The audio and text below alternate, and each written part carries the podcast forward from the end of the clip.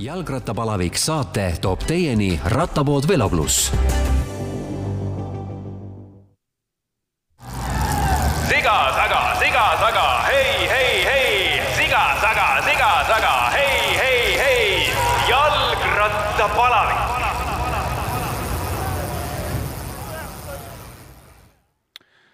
tere, head ähm, jalgrattapalaviku podcasti kuulajad, täna on siis kolmapäevane päev jällegi ja kahekümne teine aprill, me teeme seda saadet äh, mõned päevad äh, varem.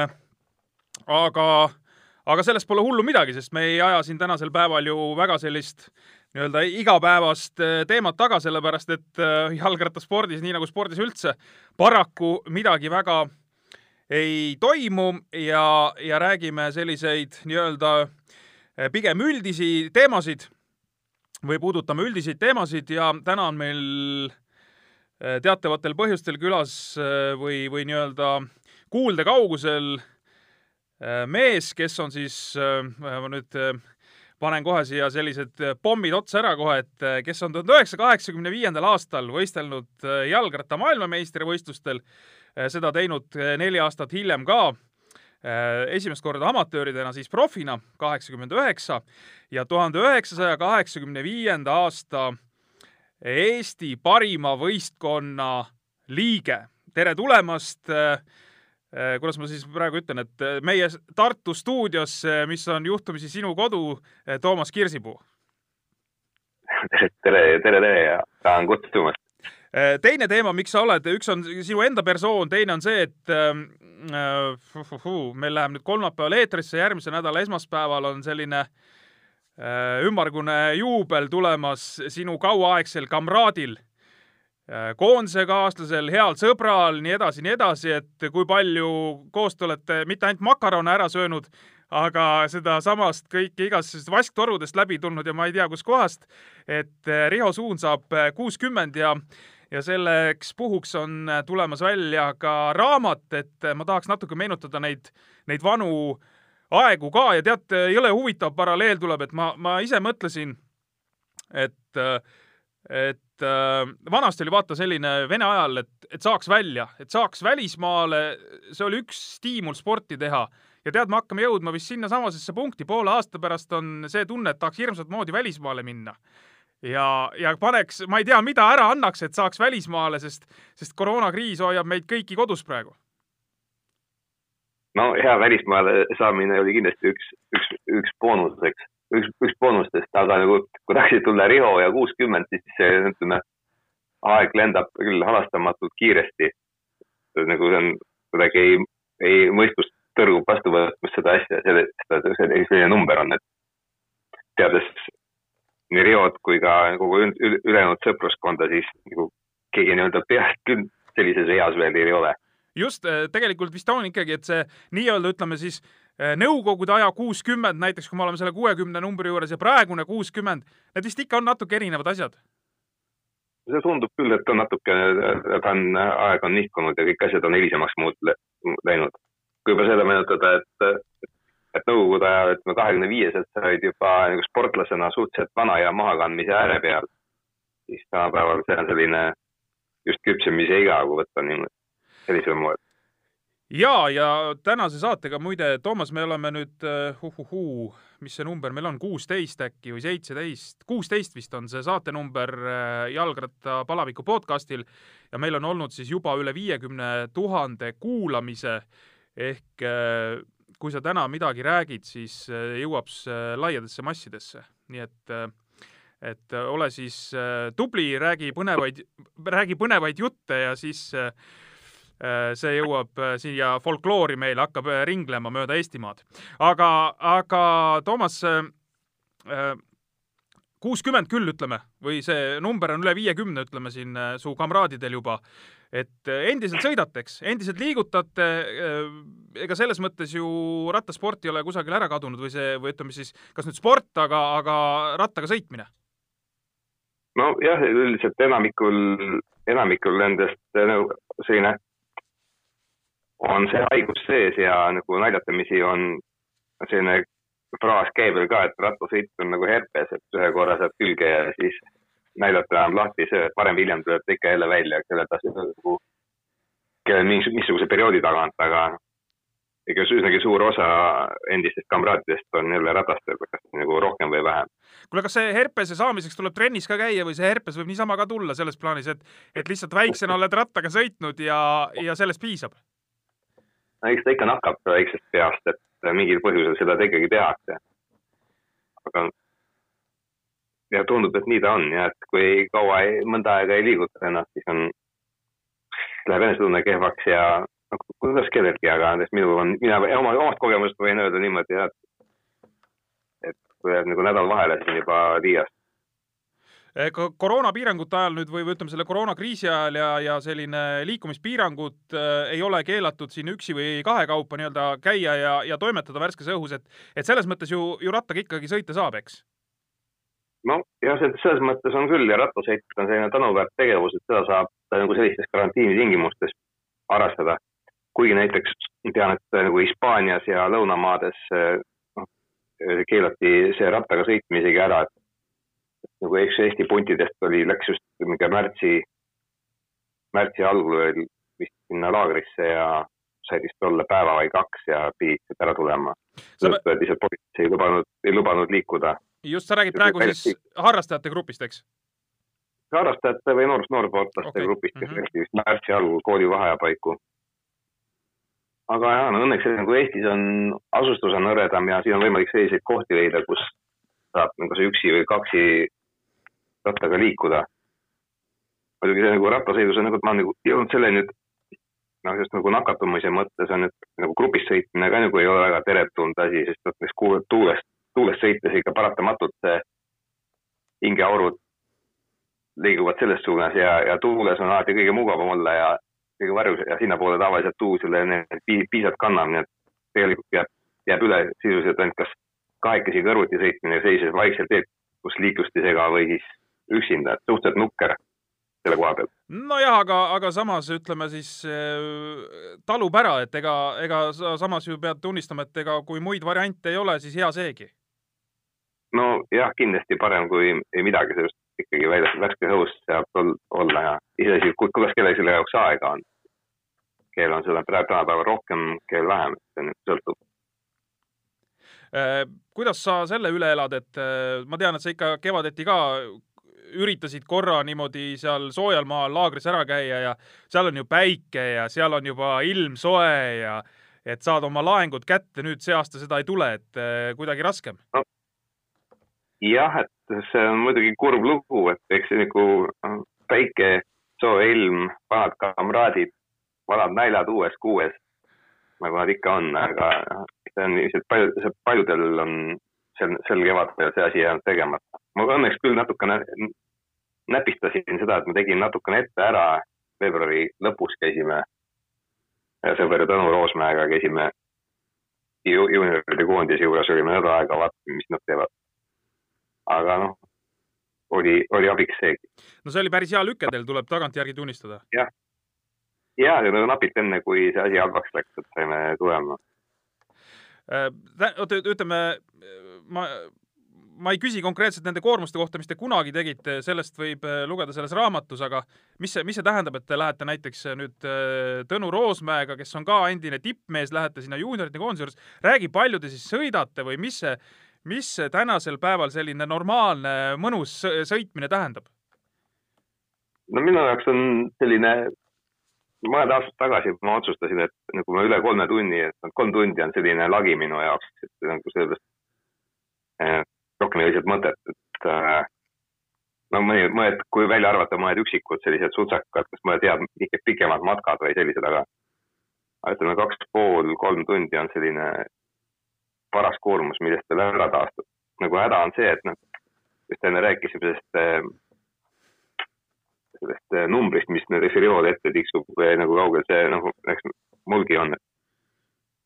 et äh, mis on nagu aastatega on, on muutunud, et äh, just nagu rattaga sõitmise puhul, et see on see, see õige doseerimine on muutunud eriti oluliseks, ehk siis ehk kui, kui palju koormust, kui pikalt sõita, missuguse intensiivsusega ja kui tihti. seetõttu, et nagu natukene liiga saab, siis siis, kurb on see, see taastumise aeg on, on veninud nii pikaks, et väga, väga lihtne on seda rattasõidu mõnu, seda head tunnet ära rikkuda mingi ühe selle kõvema pingutusega. pärast on nagu nädal aega paha olla, et ei, nii-öelda seda kaifi enam ei, ei saa. nii et tuleb olla selles mõttes nagu väga tähelepanelik. jah, peab väga tähelepanelik olema just nagu ennast peab hästi kuulama, et ja õigel ajal järgi andma. et see on just, eriti intensiivsusega, et mis on nagu viimasel ajal on tunda olnud. Eh, tead, kui me läheme enne, hakkame meenutama neid vanu aegu, mis kindlasti on väga põnevad, aga, aga räägime kõigepealt sellest nii-öelda tänapäevast, et äh, sa oled ise ka nii-öelda olnud äh, tippamatöör, sõitnud profide hulgas ühe aasta, mis jääb küll juba aastate taha, aga ikkagi, et sa, sa kujutad ette, sa tead seda elu, mis, mis mehed elavad ka tänasel päeval, ütleme siis profidena.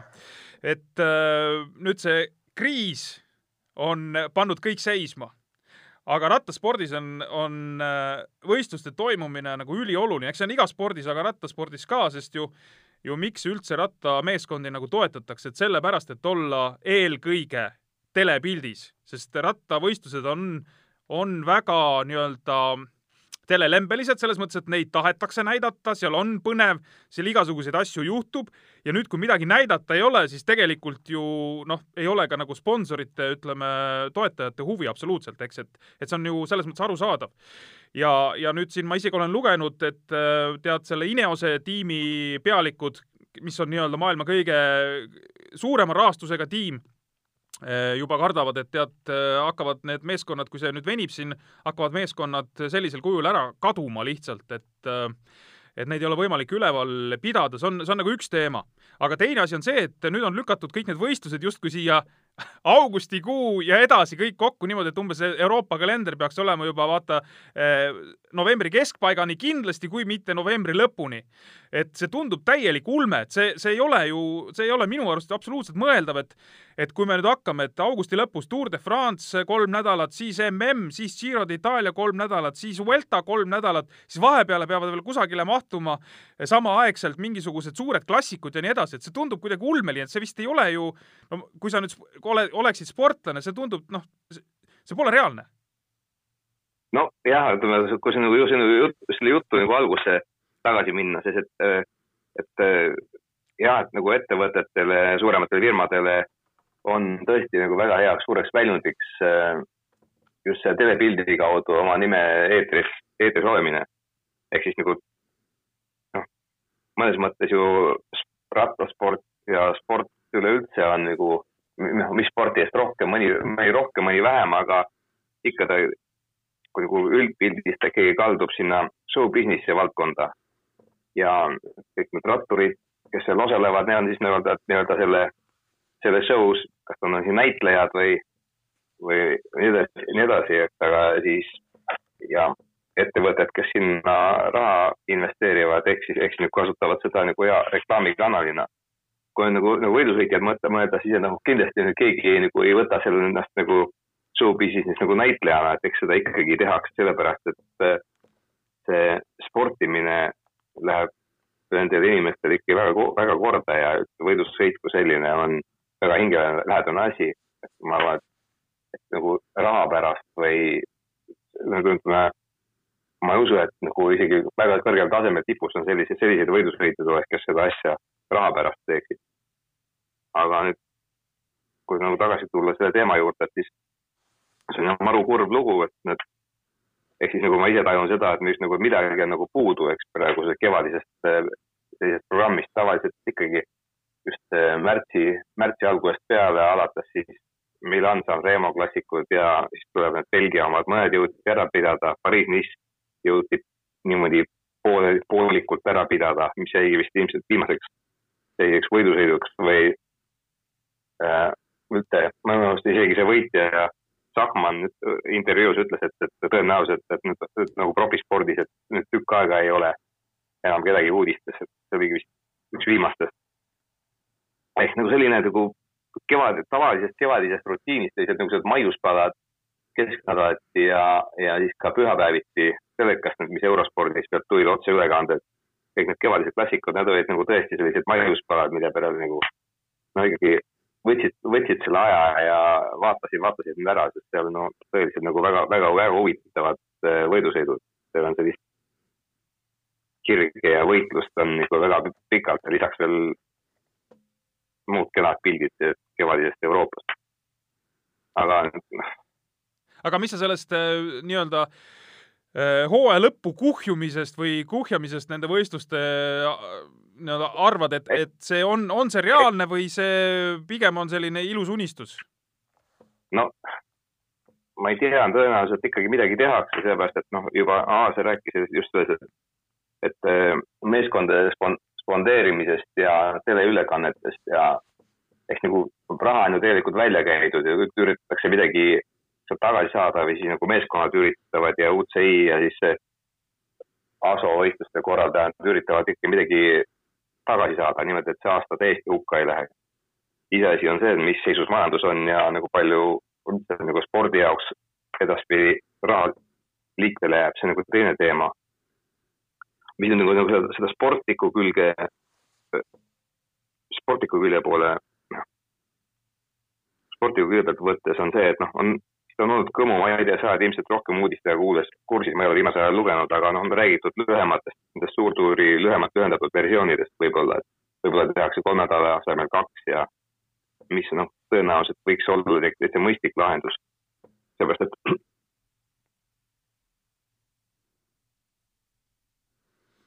nii, meil siin Toomas korraks kadus ära, aga vast me saame kohe Toomase siia liini peale tagasi. nii, Toomas, kuuled meid?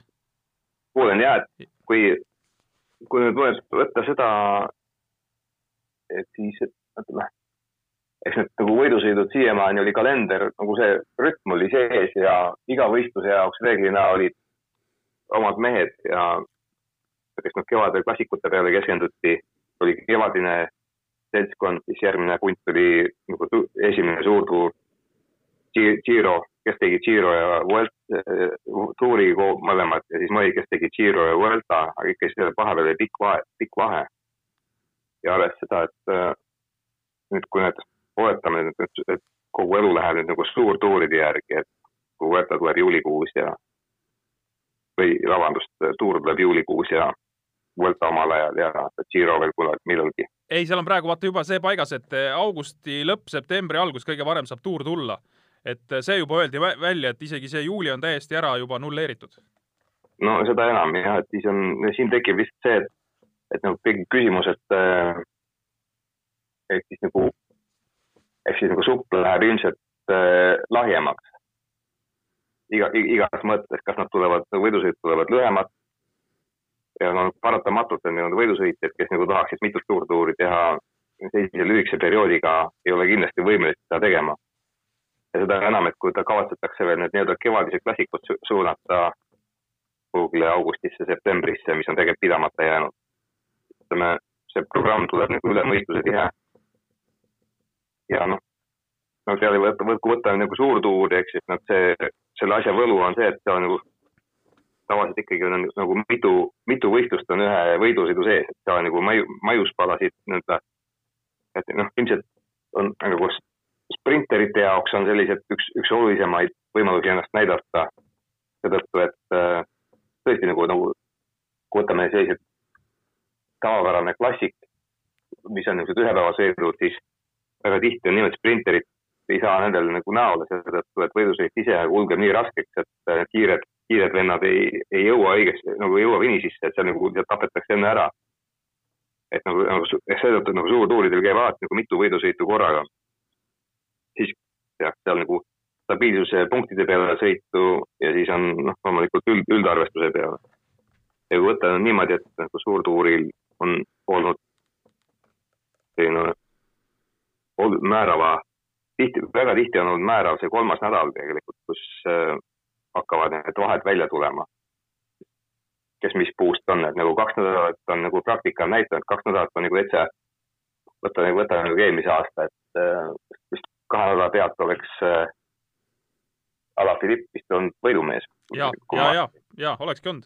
no seal on vaata muidugi alati see küsimus, et, et kui on kaks nädalat, siis võib-olla see raskete etappide osakaal on suurem selles kahes nädalas, eks me võime alati ka niimoodi spekuleerida, aga põhimõtteliselt loomulikult ma olen sinuga nõus, et, et äh, väga otsustav on ikkagi tihti see kolmas nädal.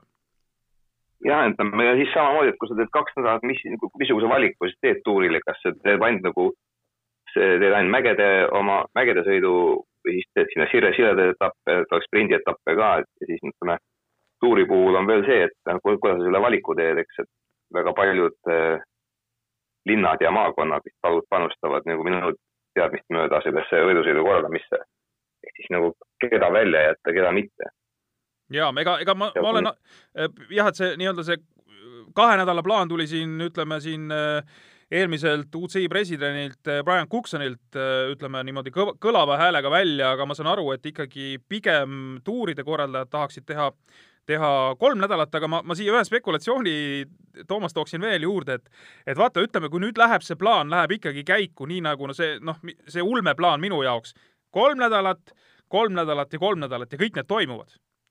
ja, ja siis äh, ole mees ja vali õige tuur, ma pean silmas näiteks Tanel Kangertit, ole mees ja vali õige tuur ja sa oled poodiumi mees, kui sul kõik asjad klapivad, selles mõttes, nagu sa ütlesid, supp läheb lahjemaks, see, need mehed ei saa enam kõiki siin, ega sa saadki ainult põhimõtteliselt ühe tuuri ikkagi valida, et, et sa ei kesta ka selle, ütleme, tuuri lõpetad, kolm nädalat on pausi, ütleme seda vahepealset ei sõida ja siis lähed uuesti peale, see on ikkagi liiga, liiga lühike periood.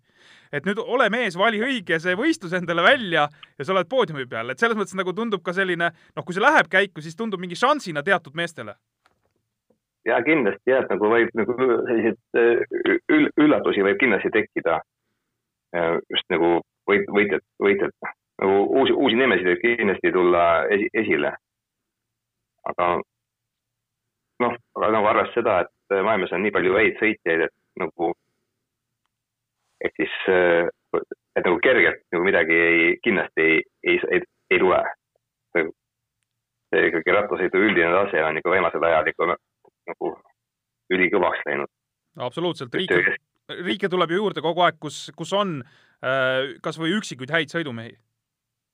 ja, ja nagu üleüldine tase ikka heade, heade sõitjate hulk ja heade sõitjate kontsentratsioon maailmas on ikka nagu meeletavalt palju kasvanud viimaste aastate jooksul äh, Tom, ma nüüd võib-olla palun äh, natukene e-, ebamõistlikku asja, aga, aga, aga võib-olla ütleme, sa, sa ikkagi suudad midagi midagi selle peale kosta, mis ma nüüd suust välja ajan, et et kui sina sporti tegid äh, amatöörina, siis sa, sellel ajal oligi ju see periood, et amatöörid versus profid, no selles mõttes, et kaks selgelt eraldi leeri. ja profid sõitsid ka siis kolmenädalasi velotuure. Teie ei sõitnud. mida amatöörid mõtlesid nendest kolmenädalastest velotuuridest, mida need, äh, kuidas ma ütlen, kapitalistlikud bursuid siis seal teisel pool nagu tegid, et et oli see kuidagi teile selline arusaadav või, või kuidas see tundus äh, amatööridele? no ei tea, see kuidagi tundus nii, nii kättesaamatu asi, sest me ei, väga palju ei teadnud midagi. Riho puutus selle profimaailmaga vist mõnda aega kokku. ja isa käis ka mingil aastal vist, vist oli suhteliselt. ja ta käis Vueltal kaheksakümmend kuus üheksakümmend kuus vist oli jah, et ta sai selle maitse suhu, et iseenesest noh, sellised, sellised segased ajad, et no mina, mina sellega kokku puutunud, et nagu minu tase oli kaks nädalat tuuri tol ajal. aga. no kaks nädalat olid, kaks nädalat, Toomas, olidki ju liidutuurid olid ka ju kaks nädalat, eks? jaa, liidutuurid ja mis ma käisin, mingid milk race'id olid ja tõenäoliselt kahenädalasi, kahenädalasi ja kümnepäevaseid oli, aga noh. loomulikult sinna veel juurde, teine, teine sama palju juurde panna, ütleme kakskümmend päeva, nagu need suured tuurid on, see on ikka müstika. hea tervis peab olema aga see... jah, aga tore, tõesti nagu väga, vaata info, info, infot oli igas mõttes oli ju ikka äärmiselt, äh, äärmiselt vähe nagu võrreldes tänapäevaga, et ükskõik, kas sa võtad nagu treenimist või tehnikat või, või või noh, igas, igasugu, igasugu uudiseid ja mismoodi asjad on toimunud ja need on täiesti võrreldamatud äh, asjad praegusel juhul. praegu ole hea mees ja korja kogu info üles, kõik on ju kõik olemas. kõik on olemas, absoluutselt kõik on olemas. jaa, see on, see on hoopis teine infoühiskond, olen sinuga nõus, aga kuule, räägime nüüd natukene nendest vanadest asjadest, selles plaanis sa juba mainisid seda Milk Race'i. kas need piimatuuril, siis ütleme eesti keeles, piimatuuril käimised Suurbritannias, Inglismaal, Inglismaal, mis ikkagi ja. oli nii-öelda vastasleer täielik, eks, sa said ikkagi kapitalistlikku riiki kaheksakümmend viis ja kaheksakümmend kuus, sa käisid kaks aastat järjest. kas need olid, ütleme, sellised kõige ägedamad äh, välisreisid ka siis või, või oli veel midagi ägedamat sul? no tol ajal kaheksakümmend viis oli veel Šveitsis see tellituur oli enne MM-i oli ka päris lõbus, aga seal nagu põletas, sealt oli nii raske, et sealt pärast ei tulnud kedagi sõidumeest enam pärast seda, see oli ainult mägedes ronimine.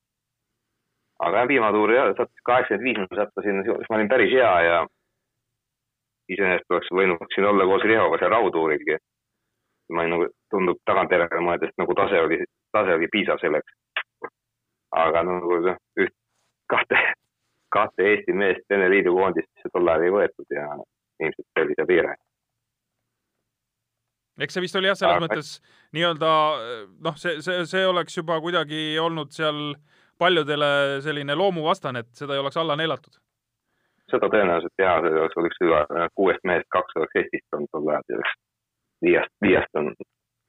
aga tol aastal nagu me, me olime mõlemad nii head, et me olime tegelikult ikka noh, eriti koos, koos toimetades ma arvan, et oleks võinud nagu päris palju asju liigutada absoluutselt, aga, aga kuule, tuhat üheksasada kaheksakümmend viis, kaheksakümmend kuus, kui sa oled nüüd seal, kus sa nüüd olid ah,, Suurbritannias meil olid, eks, Inglismaal, et äh, sa pääsed välja ja teil on seal, ma ei tea, selle delegatsiooniga kaasas igasuguseid asjamehi, on ju, kes, kes rattasõiduga tegelikult üldse kokku ei puutu, vaid puutuvad kokku sellega, et vaataksid, et Nõukogude kodanikud välismaal korrektselt toimetaks ja kuskile plehku ei paneks. eks? Tol korral õnne, tol korral õnneks ei olnud, et oli üks selline, üks, üks spordifunktsionär oli isegi rattasõiduga kaudselt seotud, oli Dünamo, Dünamost, ma nüüd nime ei suuda praegu mäletada meenutada, aga ta oli nagu võistkonna esindaja. aga loomulikult nagu ei sõnagi inglise keelt, aga ma olin seal nagu selle koondistele tõlgi eest tol hetkel no see... aga jah, jah, ütleme see, eks see lõppude lõpuks ikkagi rattasõit on, oli ta siis nagu Nõukogude Liidus või ta oli ta seal väljamaal tol ajal, ega, ega see, ega see nagu, need väiksed detailsed erinevused, aga nagu, ega nagu põhitõed ja füüsikareeglid kehtivad rattasõidul ikkagi mis tahes kohas, kus kohas sa nagu sõitma lähed. et me nägime, mida need, mida need profid tegid seal tol ajal ja me tegime oma asju ja me ei teinud kindlasti kehvemini, kes seal olid no, võrreldes nende Inglise profitiimidega. Nad ei olnud muidugi nii, nii kõrgel tasemel kui need mõned Euroopa omad, aga ikkagi seal olid seal tead hilisemad nagu näiteks Malcolm Elliot oli üks selline vend, kellega ma või, võitlesin nagu kõvasti, kes hiljem pani tuurid etappe päris palju. ja suurtuuridel päris, päris mitmeid etappe on võitnud jah. aga, aga kuule, kas see, kas see üldine eluolu äh, lõi ka seal kuidagi jalad alt ära või? noh, selles mõttes, et ikkagi, no see elu oli, tuleb vist tunnistada teistmoodi või te sellega väga kokku ei puutunud või? Teil oli ainult võistlus? võistluse ikka, ikka näed, mis toimub, missugune maa, kena maa ja kõik on valmis. võrreldes äh, Nõukogude Liidust tulnud ajal ikka loom-, palju loom,, loomulikult palju noh, teistmoodi, aga üldiselt ma, ma suutsin, nagu, olid jalad jäid ikkagi maha, et ma sain süsteemist ja mõttest, põhimõtetest sain aru. väga mind, väga ei, väga ei asjadest ei üllatunud. Et ähm, ütleme, liidukoondise mehed, sa olid ka ikkagi ju mingil hetkel täitsa liidukoondise mees, võiks vist isegi öelda niimoodi no, olin, olin ja ma olin tegelikult seal nagu ääre peal, et mitte, noh, kas nagu õnneks või kahjuks. no kaheksakümmend viis olid sa, Tom, ikkagi liidukoondise mees puhtalt ju. ja olin küll ja, aga õnneks nagu jah, liidukoondisega, õnneks ma ei pidanud liidukoondisega laagerdama kusagil. et ma olin tegelikult seal kevadel tegime hea selle Sotši tuuri Rihoga mõlemad, mis oli nagu valikuvõistluseks kogu aastaks. ja sealt saime nii-öelda liidukoondise pilti siis tuli see piimatuur otsa, siis tuli kunagi suvel tuli Natel ja mm. ja ütleme, liidukoondisega me nagu õnneks, õnneks pidanud palju koos olema, mina nagu laagerdanud ei olegi. siis vist järgmine kaheksakümmend kuus aasta kevad olime mingisuguse Otsotsu Bulgaarias on sellega koos. ja kuule, ma just tahtsingi nende laagerdamiste juurde tegelikult jõuda, selles mõttes ma tahtsin sind õrritada natukene, et, et äh, Kuubale laagrisse sa ikka ei pääsenud, see oli ikka nagu ma kujutan ette unistuste laager, et siit kuskil veebruarikuus paned minema ja paned Kuubale laagrisse. täitsa jah, müstika. see oli, see oli päris kõva, kõva boonus ikkagi mingi selle pundile, et saad ikka kahekümne viie, kolmekümne kraadi kätte trennima ja võidu sõitma. seal oli vist Riho no, vist käis. jaa, Riho käis päris mitu korda, et, et see, see vist oli umbes, et tead, ma ei tea, kolm kuni viis nädalat sõltuvalt vist, kui kaua selle asi, aga noh, põhimõtteliselt kuuks ajaks lähed lihtsalt kahekümne viie, kolmekümne kraadi kätte. no tol ajal tundus see täiesti. Allu, nüüd sa vist kadusid ära. jaa, korra kadus, aga räägi uuesti. korra kadus, jah. jah, eks see oli tol ajal ikkagi jah, täiesti mü- mü- müstiline, minu meelest sinna ei saa, see seltskond, kes sinna läks, oli suhteliselt väike, et Riho äkki teab paremini sellest, et seal on ilmselt, ma arvan, et kümmekond, kümmekond venda vast läks sinna, mitte rohkem. ja seal raamatus, mis siis, mis meil siin nüüd äh, ahjusoojana kohe välja tuleb lähipäevadel ja ma loodan, et selle nädala lõpus on juba müügis ka, et inimene või masin Riho Suun ja suurmeistrite plejaad, et seal on selle, nendest Kuuba asjadest päris värvikalt juttu nii Riho suu läbi kui ka Aavo Pikkusi suu läbi, et et seal ikka, ikka juhtus ka ühte koma teist, mis on täiesti loomulik, sest äh, see Kuuba juba, see juba kuidagi vaimusilmas kõlab, et see on selline värvi, värvikas koht ja seal äh, võib igasuguseid põnevaid asju juhtuda. ja seal ju äh, tä- tä- täiesti uskumatu selles mõttes, et no tänasel päeval noored ei kujutagi ette, aga, aga Riho rääkis loo, et, et nad läksid äh, Kuubale ja saad aru, Nõukogude inimene, neile anti päikesekreemi. aga Nõukogude inimene ei julgenud seda peale panna, sellepärast ta arvas, et äkki see võib olla mingisugune noh, konspiratsioon, et nad panevad peale ja siis juhtub nendega midagi. ja nad ei pannud ja siis nad kõrbesid ära seal täiesti. jah, seda pole kuulnud. et, et päris julm, päris julm. nii, aga läheme korra selle profi värgi juurde ka, kaheksakümmend üheksa pääsesite profiks, olite, kolmekesi olite siis Hispaanias, Kelme klubi juures, no ütleme siin ka noorem põlvkond võib-olla isegi seda Kelme klubi natukene mäletab, nüüd küll juba siin aastaid ei ole seda klubi selles mõttes selle nimega meeskonda olemas, aga, aga oli päris pikalt rattaspordis ja sina, Riho Suun ning Arvi Tammesalu kolmekesi olite siis äh, seal ja, ja saite ka siis neid ähm, äh, ütleme siis Hispaania võidusõite sõita, ega te vist mujal väga ei sõitnud, ainult Hispaanias, eks? Hispaanias ainult jah. No et oli, see oli selline moel, et mingil moel Hispaania see klubi läbi liidu spordikomitee vist tellis nii-öelda võidusõitjaid sinna. tol ajal moodustati Vene võidusõitjatest tehti esimest korda see profitiim Alfa Lum, mis oli Itaalias. ja mingil, ma ei tea täpselt neid detaile, aga ilmselt äh, Rein oskab selle kohta rohkem rääkida, mingitel asjaoludel me sai kuidagi, mis ütleme, me saime sinna Hispaania klubi juurde. Ja noh, algul võit võeti lihtsalt, et noh, vaatame, mis siit tuleb. et mingid, mingid vennad Venemaalt tulid, eks nagu mõnes mõttes nagu natuke algul nagu petuti, et me ikka ei olnudki nii kõvad. aga siis pärast tuli välja, et oli võidusõitja, kus me olime tegelikult kõige, kõige paremad sellest meeskonnast. aga noh, mis oli, ta oli nagu selles mõttes karm aeg, et see, see samm äh, nii-öelda amatöörspordist siin nagu profide hulka minna, see oli ikka päris, päris masendav, ehk siis nagu ma mõtlen tänapäeva, tänapäeva meie noored kutid, kes nagu, nagu vahet, kas sa lähed juunioridest U kakskümmend kolme või U kahekümne kolmest hakkavad sõitma nagu päris võidusõite, eks nad, ehk ma arvan, et sul on intervjuudes tänapäeva, noh, tänaste, tänaste tegijatega on selliseid, ma arvan, et sul on piisavalt selliseid võrdlusi olemas, et kuidas, kuidas nii-öelda see masina, ühest masinaklassist teise liikumine tundub. eks nagu ilmselt, noh loomulikult algul oli see meie jaoks kõva šokk, umbes esimene kuu. mul seda täna hommikust äh, treeningpäevikut ka, no silma jäi kogu aeg see, et kogu aeg oli, kogu aeg oli raske. aga siis mingil hetkel kusagil kevadel, ütleme pea, ütleme kahe, kahe-kolme kuuga toimus selline adopteerumine. et see kiirus ja ütleme, see stiil, mismoodi sõideti, see ei olnud, ei käinudki enam üle, üle jõu, et jõudsin juba nagu esimese pundi pundi esimese poole hulgas äh, üle mäe, et nüüd üle viiekümne hulgas circa. ja mõnikord said isegi finišile enam-vähem pihta.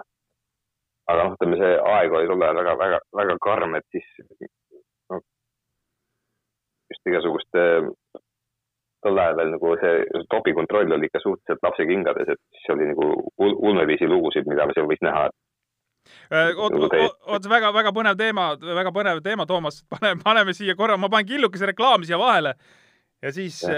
äh, me saame sellest teemast kohe siit äh, jätkata.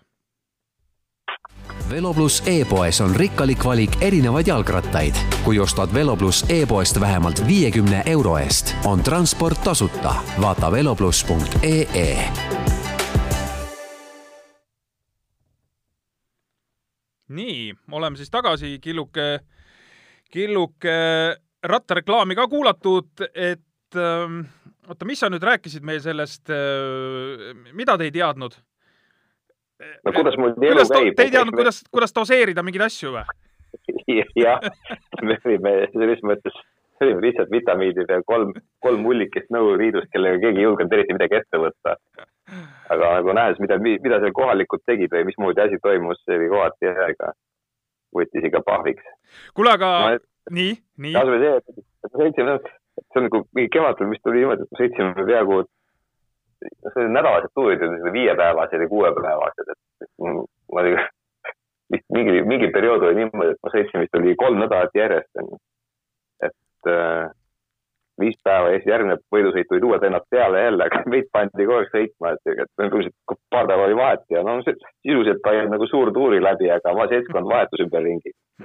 aga siis oli niimoodi, see oli minu teada tol ajal oli seal mingi selline süsteem, et kontrollis käisid, et viimane päev oli selline, kui kontrolli läksid, no oli kindel, kindel seltskond, kes läks, tuuri võitja, etapi võitja ja vist veel keegi. aga igatahes nagu ilma üllatusteta, et nagu, nagu valikut ei olnud. no see oli niimoodi, et, et sellised sellid, kes nagu iga päev olid nagu esimese põntsu peal nagu selge ees, vastu, selge ees vastu tulnud nagu kadunud, rohkem ma ei näinud neid enam siis äkki oli nagu viimasel päeval oli niimoodi, et sellised, sellistel tüüpidel oli lihtsalt oli raske rattas istuda. nagu spurt lihtsalt hea nagu tuuest, tuuest, tuuest mitte maha jääda. aga noh, oli väga julm ja siis nagu mäletan nagu väga, väga piltlik oli selline lauge pikk niisugune nagu kerge tõusukene ja puntis läheb onju, vaatas vist pidokat viiskümmend ja natuke peale ja kergelt üles mäge onju juba tükk aega mõtled, kannatan ja kannatan ja mul on ikka nii raske, et punt on selline kilomeetri pikkune, siis ma tõstan pea üles, vaatan, mis toimub.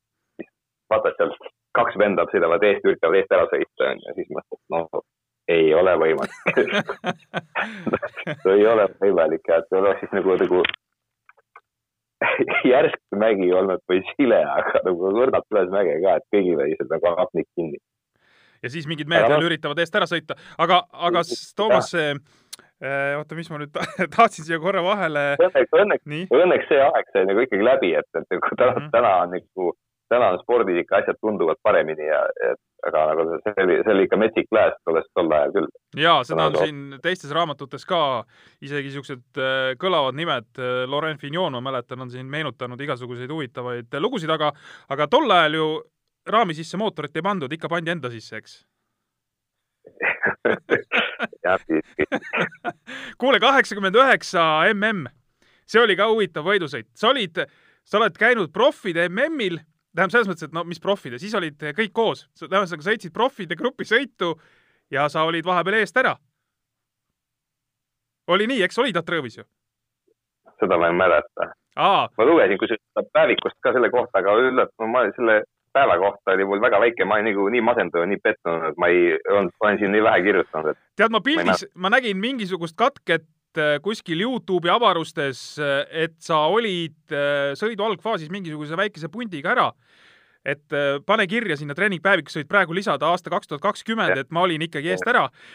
ja siis, aga miks ma selle MM-i juurde väga tahan tulla, kuule üks teie vana kamraad sellel äh, liidukoondise päevil, siis mitte vana kamraad selles mõttes, et ta teiega oleks mingi hi- hi- hirmus sõber olnud või, aga kes juba tuli ka seal mingil hetkel kaheksakümmend kuus või seitse tuli juba sinna liidukoondise piiri peale, oli siis Dmitri Konõšev, kes tegid no täiesti sellise ulmelise sõidu kaheksakümmend üheksa MM-il, et kõik hoidsid pead kinni.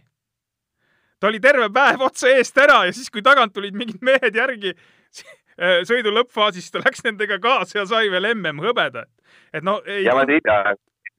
jah, et, et ma vaatasin seda video, videot nagu hiljaaegu just seda, seda Youtube'ist, jah, see oli küll uskumatu, jah.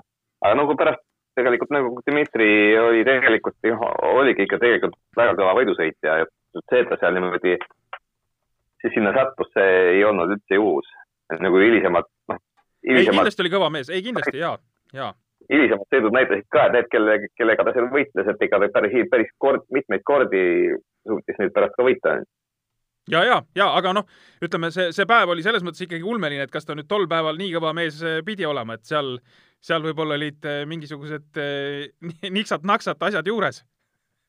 no seda, selle kohta minul informatsiooni ei ole. nojah, te olite teise tiimi mehed ikkagi, et eh, te olite ju nii-öelda kelme mehed, aga, aga räägi, kõigist sellest on loomulikult seal raamatus ka hästi, hästi laialt juttu, aga räägi korra üle, kas oli mingisugune õhkõrn võimalus teil, Tom, ikkagi saada sealt äh, no kuidagi veel see jätk ka või see oli ikkagi lõppkokkuvõttes oli ikkagi üsna lootusetu, et saaks, saaks veel jätkata eh, profina, sest ju ütleme jah, vanuse mõttes eriti sina ja eriti Arvi, te olite ikkagi veel sellises vanuses, profide mõistes, et oleks võinud sõita veel päris pikalt. ja oleks, noh, teoreetiliselt oleks võinud küll, aga pigem oli see, et, et me jäime nagu üksi ja ei tulnud seda süsteemi, ma üritasin küll, seesama seesama eespool nimetatud Malcolm Ellioti kaudu, ma suhtlesin temaga näiteks, et leida mingisugune koht kusagil meeskonnas, aga ütleme, tol ajal oli, ütleme, Hispaania oli võib-olla vale koht meie jaoks.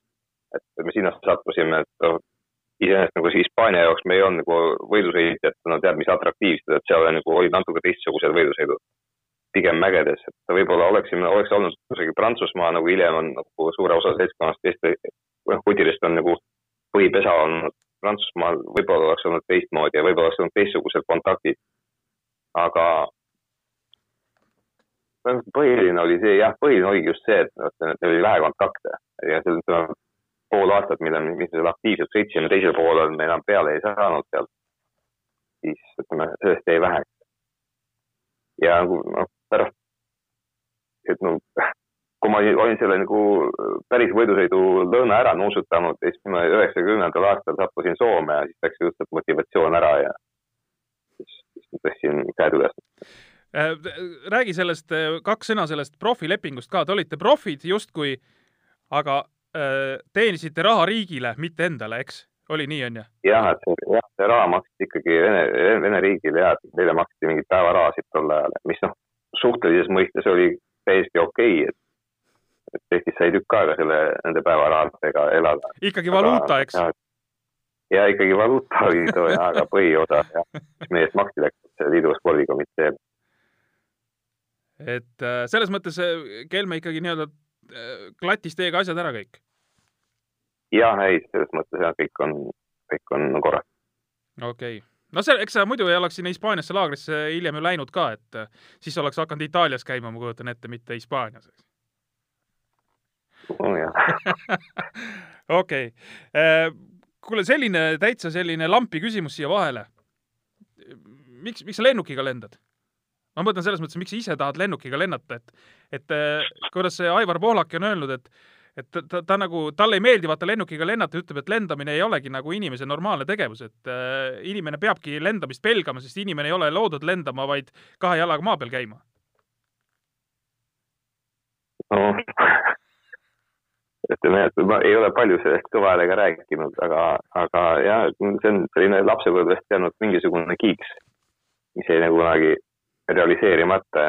kunagi kahe tuhande seitsmendal või kuuendal aastal võtsin asja kätte ja läksin, läksin kooli.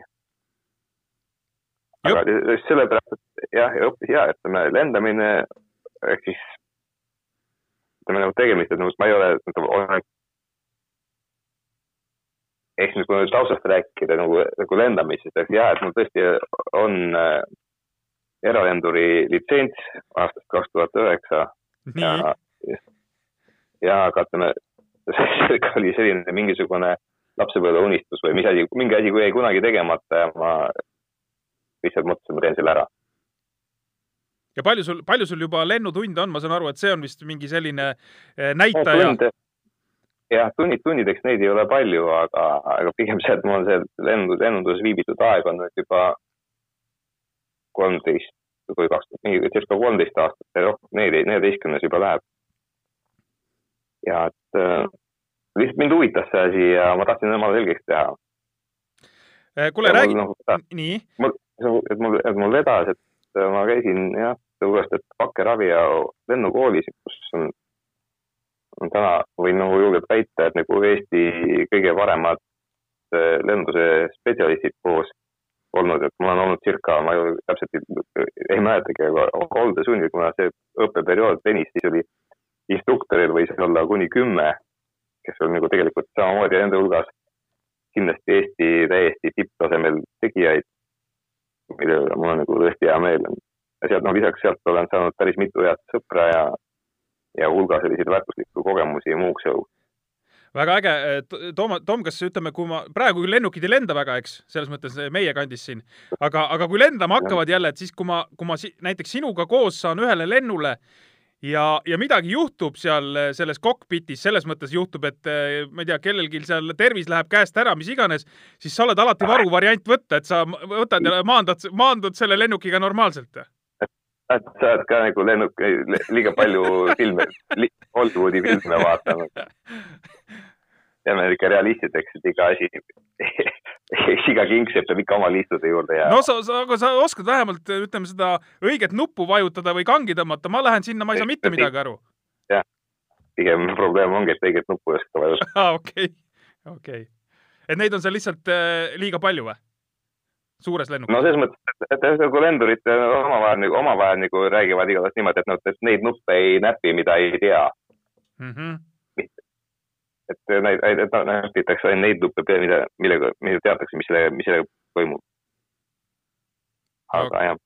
okei, aga sa, ja ilmselt- sellega oli- oli niimoodi isegi, et noh, kahju, et ma selle nagu juba varem ei sattunud, võib-olla ütleme, tagantjärele mõtlen, et oleks nagu üheksakümnendate alguses sattunud selle asja juurde, siis siit oleks võinud isegi elukutse saada. aga ütleme, peale neljakümne, no see nagu loot-, rong on lootusetult läinud.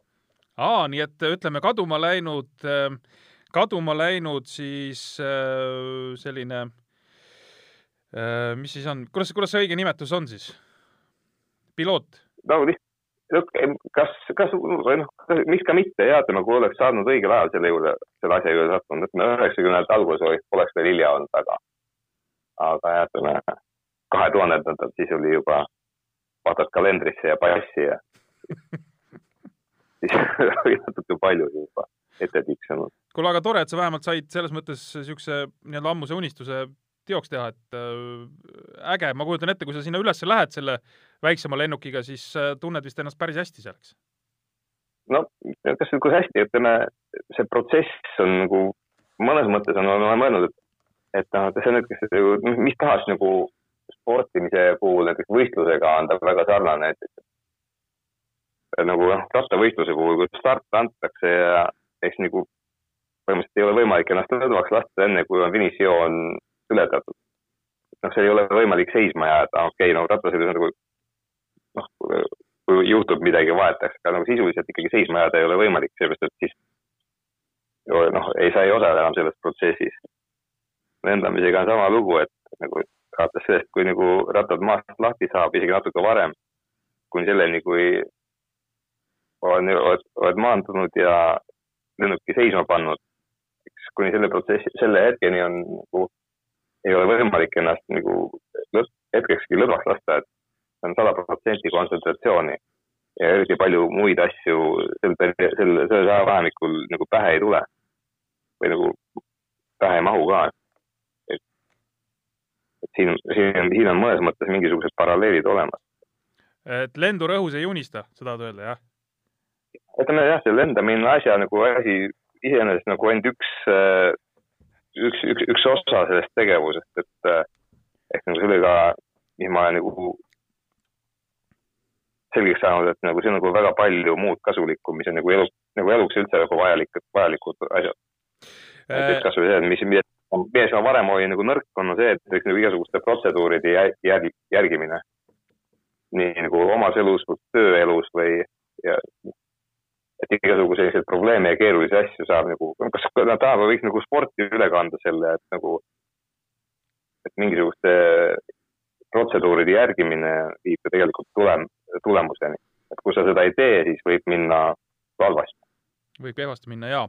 Toomas, üks selline veel selline X kõrvalepõige nii-öelda sellest äh, peateemast meil on see, et kõik, kes Eestis rattasporti natukenegi teavad, teavad seost Rein Kirsipuu ja siis äh, nii-öelda aste allapoole tuleme sealt, tõmbame kaks triipu, ühele poole tuleb äh, Toomas Kirsipuu, teisele poole tuleb Jaan Kirsipuu ehk siis Reinu pojad mõlemad kasvasid ratturiteks. nii, kui me nüüd hakkame järgmisi triipe alla tõmbama, Toomasest ja Jaanist ei ole näinud rattureid. kus need ratturid on? mis sa, Toomas, nüüd enda No- õigustuseks ütled? No selles mõttes, et eh, no enda õigustuseks mul ei ole eriti midagi öelda, aga Jaani puhul on niimoodi, et eh, nagu seal on veel, osad kaarid on veel välja käimata okei okay.. et mingi lootus nagu on, jah? ja eks, eks lootusega, no eks aeg, eks aeg, eks aeg näitab, aga ega sellised mingisugused sellised kõige väiksematel poegadel on nagu, on rida selliseid isikuomadusi, mis eh, võimaldaksid eh, spordis läbi lüüa. ehk siis eh, ütleme,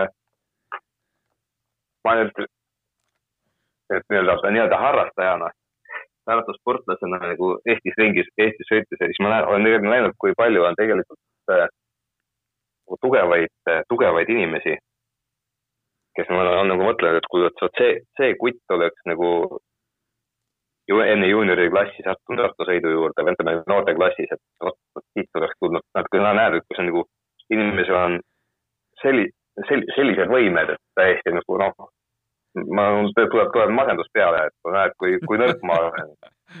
et kui, kui, kui nagu va- vagun tervist on kellelgi, kuule, aga noh, ütleme, tead, see, see jutt on ka selles mõttes, Toomas, et ma saan su mõttest aru, kõik kindlasti jumala õige, aga te, sa ei saa kindlasti ise ka öelda, et sul nüüd üldse tervist ei ole või su kamraadidel, kes te jõudsite seal, ma ei tea, liidukoondisteni välja, et eh, te, no se- seal pidi midagi olema ju teil. jah, ütleme, aga, aga ütleme, on, on kindlasti, ma nagu näen, kui palju on nagu, kui, kui, kui, kui su-, kui suured varud võivad olla, et nagu võrreldes nagu enda sellise noh, sellega, mis mul endal välja käia on, aga ma tahtsin nagu selle, selle ivani jõuda, on see, et, et äh, see on võib-olla, et ütleme, sellised inimesed, üks asi on, et on juhus, et nad ei ole sattunud noorest peast. see on muidugi kurb lugu, et kes on nagu, ma tean nagu kindlasti selliseid, selliseid nagu sõpru, kes nagu oleksid võinud nagu lapsepõlves nagu rattatrenni tulla, et nagu näed, kes nagu praegu harrastajatena sõidavad, et ega ei nagu mingil põhjusel, kas siis nagu neid ei, ei võetud või nad ei sattunud või nad ei teadnud asjast midagi, aga praegu armastavad seda ala meeletult ja näha, et kõik, et kõik omadused on olemas ja koordinatsioon, mis on rattasõidul väga, väga oluline ja vastupidavus ja, ja taastumisvõime ja üldse ühised võimed ja veel lisaks on nagu see eh, kõige olulisem on, millest, milleni me ei ole jõudnud, eks, eks see on see, see nagu võitluse tahe, eks. ehk siis nagu, mis on nagu, et on väga palju selliseid inimesi, kellel on nagu füüsilised võimed olemas, aga sellest hoolimata nad spordis läbi ei, löö, seepärast et just et siis, kui on seal nii-öelda väga, väga, väga raske hetk on ju ja siis veel juurde vaja panna. siis on kusagilt see, peaks tulema no, lihtsalt, lihtsalt füüsisega, seda ei ole võimalik teha, see impulss peab kusagilt tulema, see, see, see võitleja, see killer instinkt. kuule, see on, see on hea, et sa, Toomas, jõudsid sinnamaani, et, et see on ju see on ju mõnes mõttes nagu kõlab jällegi väga veidralt, on ju, et kui enam ei jõua, tuleb juurde panna, aga reaalsuses see vahest nii ongi, eks? nojah, ütleme nagu omast kogemusest rääkides samamoodi, et kui ma nagu, nagu võidu sõitsin, et ma võisin nagu väga kehva olla, aga või, või väga hea isegi, ütleme, aga kui, kui finiš näiteks nagu reeglina ühtegi võidusõitu ei ole, ei ole nagu hästi teinud, nad kas võitnud või, või kusagil ees heal positsioonil lõpetanud, juhul sellisel juhul, kui seda enne finišit selle, seda adrenaliini ei ole suutnud üles keerata, ehk siis nagu noh, see on nagu circa kümme kilomeetrit enne lõppu, oletame, et nagu kõik on nagu pead, et siis on, ütleme, circa kümme kilomeetrit enne lõppu tunned, et see nagu igasugune valu kaob ära, tunned nagu kõik on ükskõik, see on, hakkad, sa hakkad nagu jõudma iseenesest nagu kõike teha, igasugu kõike sporte lämmatada, järgi minna. ja see on selline müstiline tunne, et ja ütleme, see mõnikord kas tuleb või ei tule. ja kus ta ei tule, siis reeglina ei, ei võida ka ja siin ongi see, et aga kuidas, kuidas seda nagu lihtsalt naturaalsel moel niimoodi oma peas üles keerata, seda, seda, seda retsepti mul ei ole äh,. on, tegelikult tuleb või ei tule. kuule, üks asi, kus te olite, ma võiks isegi öelda, et kogu oma pundiga, kogu Eesti koondisega, no natukene või isegi natuke rohkem kui natukene, Eesti rahvuskangelased, Eesti kõige kõvemad pojad, tuhat üheksasada kaheksakümmend kaheksa, äh, Balti meremaade sõpruse velotuur ja, ja te võitsite selle velotuuri liidukoondise ees ja teid võeti Raekoja platsil vastu niimoodi, et terve Raekoja plats oli rahvast pungil. see oli vist üldse esimene kord, äh, kui niimoodi sportlasi meil vastu võeti, sest äh, Tiit Soku ja Erika Salumäe olümpiavõidud ja väga suured rahvapeod Raekoja platsil olid kaheksakümne kaheksanda aasta lõpupoole. Teie oma oli varem mm. -hmm et äh, see, see oli midagi, see oli midagi müstilist, eks? Mm, jah, see oli samamoodi, et see, et eks see, see impulss oli nii kõva, et äh, noh, see, mis tol ajal toimus, et äh, noh, kui me alg-, alg-, võidusõit algas Soomes, siis seda väga nagu ei tajunud, et nagu nii hästi oleks pidanud panema, nagu nii hästi läinud ka, nagu Riho sai küll liidriks, aga sellest hoolimata, aga mis toimus Tallinnas Mustamäel, see oli nagu, see oli ikka ulme küll, jah. Siis oli jah, see jõud tekkis nagu kogu pundil niimoodi, et äh, ma ei tea, kust kohast. ja eks noh, ütleme selline, selline emotsioon on kindlasti üks selliseks jõudu tekitavaks faktoriks ja, ja see, see nii-öelda kaasaelamine või rahva kaasatulek ja, ja see, et sa saad aru, et, et see läheb korda, eks? jah, et tookord oli, et vist oli sinimustvalgete meri oli lausa väljas, et oli nagu, lipud olid ametlikult keelatud, aga see oli just nagu see sula oli saabunud, et otseselt keegi enam maha võtma ei, ei, ei, ei asunud. Nii, Toomas, meil hakkavad äh, jutuajamised selles mõttes otsa saama, et meil saab tund täis ja, ja väga rohkem siin kinni hoida ei taha, aga, aga lõpetuseks veel selline spekulatiivne spekulatiivne mm, äh, torkimine et sa, sa oled väga hea vastaja, ma usun, sa keerutad ennast siit välja või, või räägid nii, nagu asi on. Äh, tänapäeva mehed, tänapäeva meie tipud ja, ja kui teie sõitsite kõrgel tasemel liidukoondises ja, ja kas seal piiri peal või mis iganes, et äh, kumb on kumb on selles mõttes nagu reaalselt tugevamad sportlased või kummad on tugevamad sportlased. Ma saan aru, et ajastuid on keeruline võrrelda ja nii edasi, aga pane nüüd mingisugune põhjapanev arvamus siia, et äh, ütleme siin tänasel päeval Taaramäed, Kangertid ja kes sinna veel juurde ja siis teie omal ajal. Seda jah, on tõesti väga keeruline võrrelda, ehk siis ma ei usu, et nagu inimene oma loomult väga palju oleks muutunud, et kas nagu, ma arvan, kes on tänapäeval tegija ja kes oli kunagi varem tegija, ega seal nagu suurt vahet ei ole.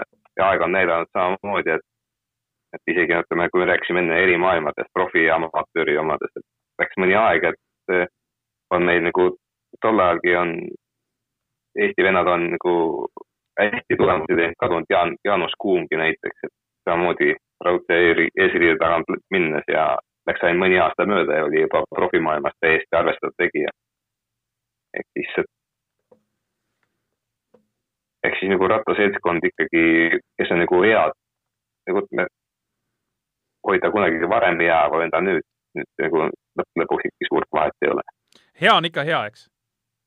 hea on ikka, hea on ikka hea, lihtsalt tänapäeval on nii palju informatsiooni, et see nagu, kui nagu seda nagu kui panna nagu, nagu, et mis, missugust kiirust keegi suudab arendada, eks ei ole nii palju, nii palju tehnilisi abivahendeid on tänapäeval juures.